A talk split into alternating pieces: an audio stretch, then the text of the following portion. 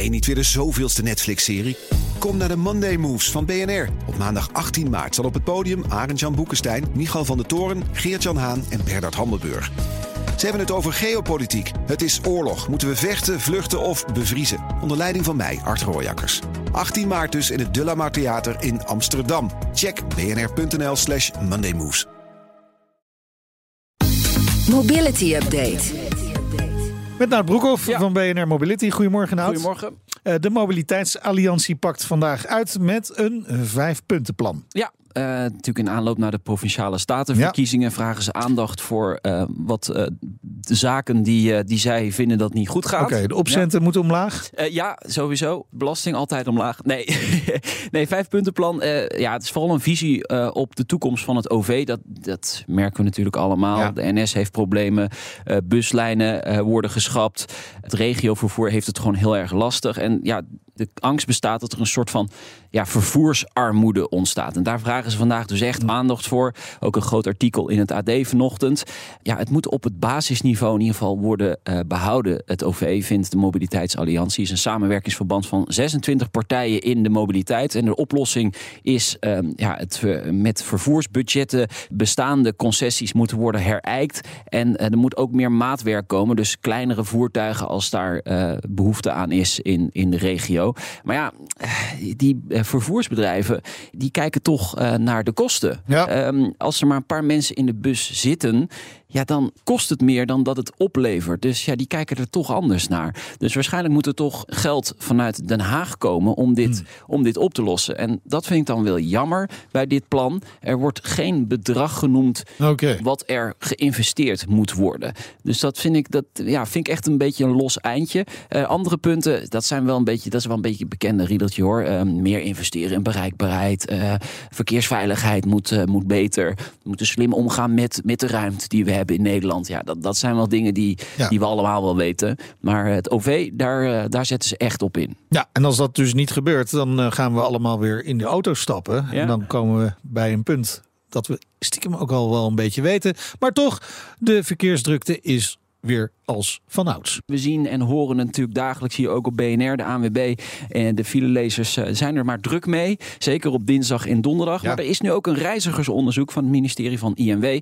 Ja, en die moeten het weten. Autoritten het afgelopen jaar met 4 miljoen per week toegenomen eh, ten opzichte van de jaren ervoor. En het effect is dat de verkeersdrukte maar met 1% is eigenlijk is gestegen. Dus de file-druk is nog altijd fors lager dan Ja. voor corona. Maar ja, eh, we, ja, we zijn weer meer op de weg en we merken het gewoon. Dus ehm, er stond De vraag is natuurlijk, vinden we het erg? Ehm, Als we toch in die auto gaan zitten, dan maakt Ja. het dus kennelijk toch wat minder uit. Nee, dat blijkt ook uit dit onderzoek. ehm, eh, dat de auto voor veel mensen gewoon nog altijd steeds het allerbelangrijkste vervoermiddel is. Het is gewoon favoriet. Dus eh, ja, wat dat betreft, de file, dat zijn wij. Hè? Ja. we, Hey, we, dat we is kiezen zo. er eigenlijk wel voor. Je Maar- staat niet in de file, je bent de file. Ja, maar heel veel mensen geven ook in dit onderzoek weer aan dat ze geen alternatief hebben.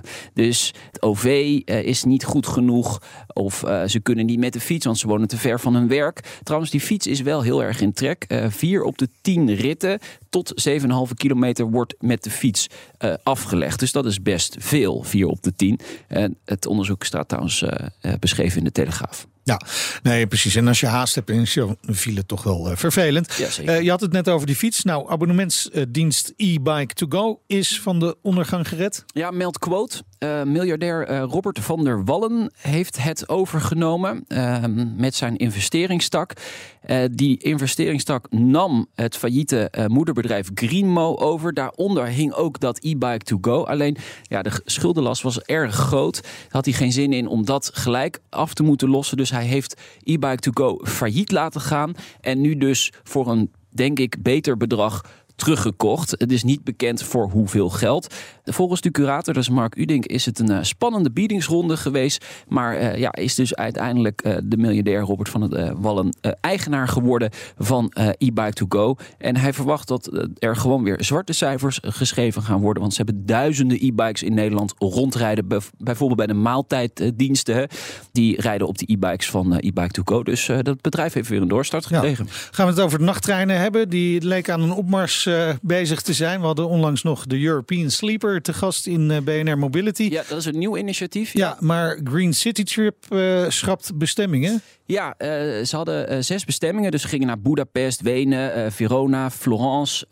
maar dat schrappen ze dus allemaal. Ze gaan alleen nog naar Praag via Dresden. Dus de reden is de hoge kosten die ze ervoor moeten ophoesten om dit te laten rijden.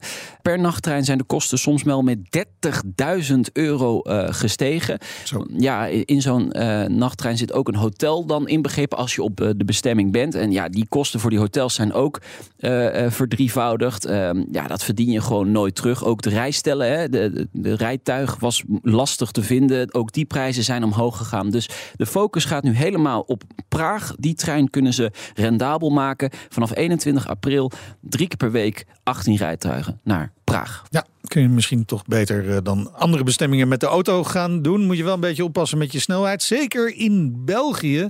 Want verheerlijking van snelheid wordt strafbaar ja. in dat land. Ja, ja, ja.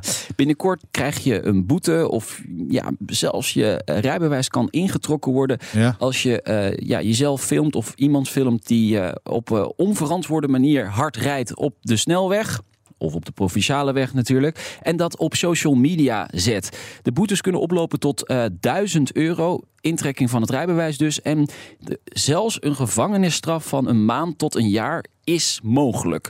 Dus uh, ja, je bent gewaarschuwd als je in België met je videocamera of met je smartphone achter het, uh, achter het stuur gaat zitten en dit soort dingen gaat filmen. Ik denk dat het wel goed is. Even zo'n nul-tolerantie. Hè? We gaan het gewoon niet meer toelaten. Het wordt wel lastig om dat te handhaven. Gaan ze dan straks ook, als die filmpjes al geplaatst zijn, gaan ze dan. Ah ja, dat kan natuurlijk daar gewoon. achteraan Je hebt gaan. toch bewijs Ja. in handen dan? Ja, je zou zeggen van wel. Ja.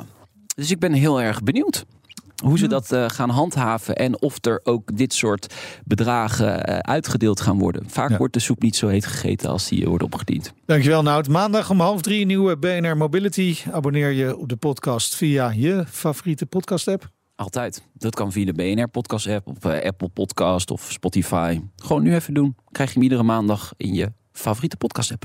BNR Mobility Update wordt mede mogelijk gemaakt door ALD Automotive en BP Fleet Solutions. Today, tomorrow, together. De toekomst roept. Minder CO2. Lies je mee? Dit is het moment om te kiezen voor de Tesla Model 3, Toyota Pro-Ace Electric of Volkswagen ID3. Uitstoot verminderen doe je samen met mobilityservice.nl.